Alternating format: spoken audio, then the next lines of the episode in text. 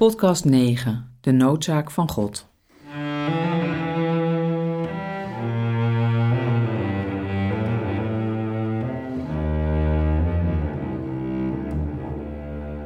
Welkom bij de negende aflevering van de podcastserie over verzetstrijders en jezuïeten Robert Regoe en Rupert Maier. Voor beide mannen was hun band met Jezus Christus wezenlijk. Dat hoorden we in de vorige aflevering heel scherp. Maar geloven is voor hen niet alleen een persoonlijke zaak. Het betekent ook iets voor de manier waarop je omgaat met de samenleving. Rupert Maier leefde en werkte in een totalitaire staat, een samenleving waarin één partij en één ideologie niet alleen alles overheerste, maar ook alles in de gaten poogde te houden. Iedereen moest leven en alles geven voor het Duitse volk, het Duitse Rijk, voor de eindoverwinning. In die context zijn de volgende woorden van Maier veelbetekenend. De Heere God heeft de eerste aanspraak op ons. Geen enkel mens, geen enkele organisatie, geen enkel schepsel mag ons leven totaal beheersen.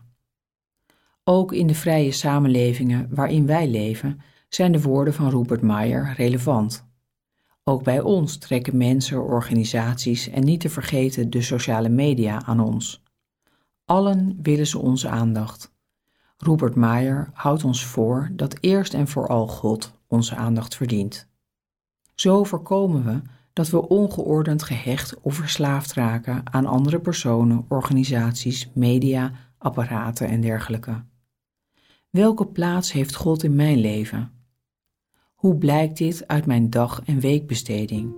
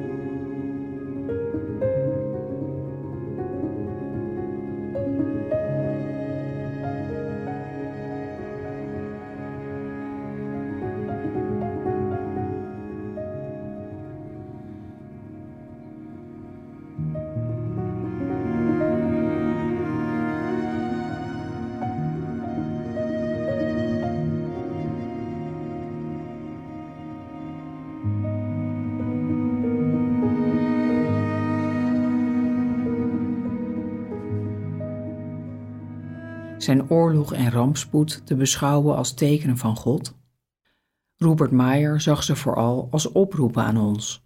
Een oproep om ons ernstig te bezinnen op de toekomst. Willen we op dezelfde voet doorgaan of moeten we ons gedrag en mentaliteit aanpassen? Hij schrijft: De huidige tijd is een angstaanjagend ernstige aanmaning voor de volkeren der aarde om terug te keren naar God. Het gaat niet zonder God. Nadat de Tweede Wereldoorlog was uitgebroken en het aantal doden en de verwoestingen toenamen, maande Robert Maier mensen om deze afschuwelijke zaken niet uit het bewustzijn weg te drukken, maar ze te beschouwen als een waarschuwing. Zo kan het niet verder. Langs gebeurtenissen en ervaringen kan God tot ons spreken, ook als die negatief zijn. Ken ik daar voorbeelden van in mijn leven? Heb ik daar toen gevolg aan gegeven?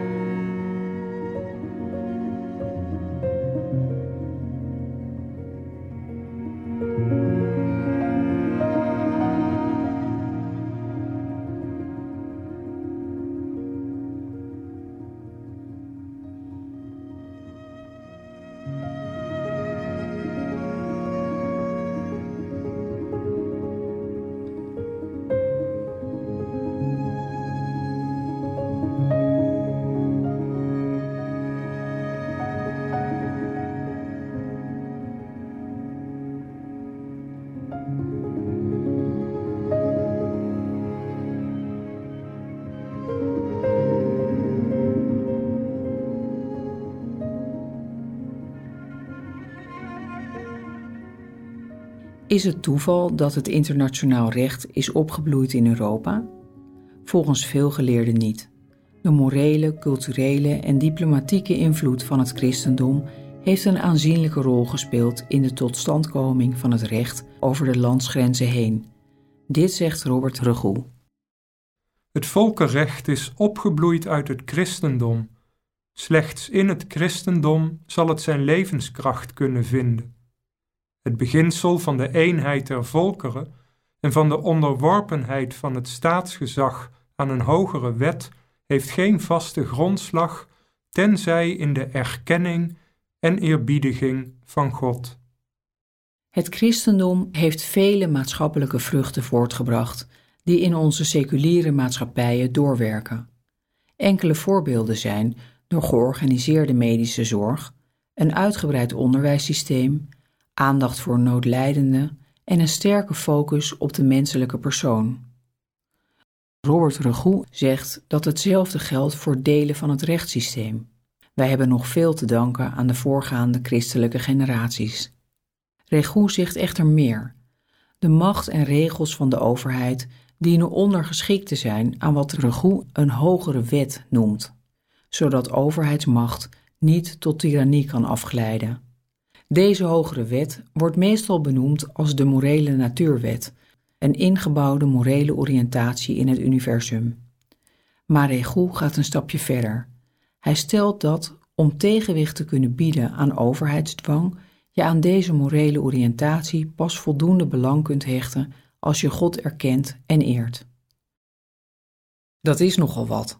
Geloof ik zelf in een hogere wet die fundamenteler is dan regelgeving van bijvoorbeeld de Verenigde Naties, Europa of de overheid van het land waarin je woont?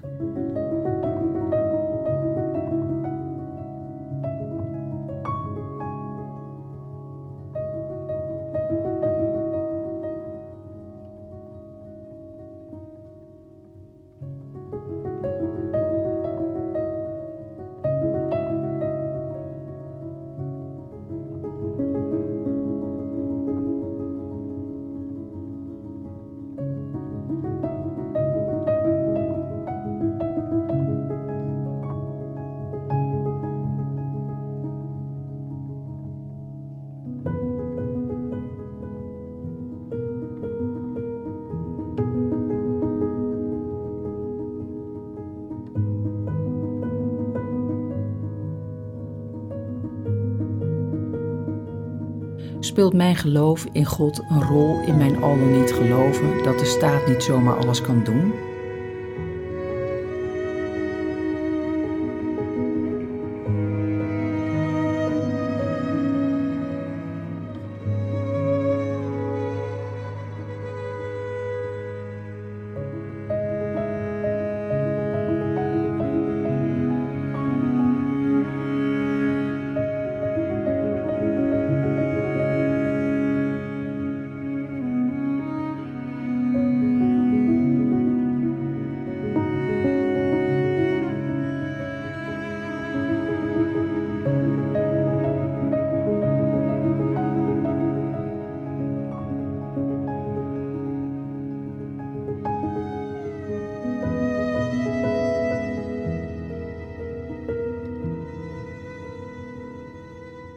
Zou het internationaal recht een zegen van God kunnen zijn?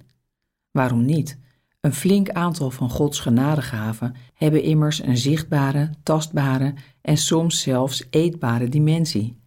Zoals de psalmist zegt: De aarde heeft een rijke oogst gegeven. God, onze God, zegent ons. Mogen God ons blijven zegenen, zodat men ontzag voor hem heeft tot aan de einden der aarde. De levens van Rupert Mayer en Robert Regoe vormen een krachtige boodschap. Hun woorden en daden tonen dat geloof tastbaar wordt in hoop en liefde en dat het bijdraagt aan een betere samenleving. Hun ervaringen steunen het geloof dat God onmisbaar is voor iedereen en voor heel de samenleving. In de volgende afsluitende aflevering gaan we de eindfase in van de levens van Robert Regoe en Rupert Mayer en horen we hoe ze hun laatste adem uitblazen.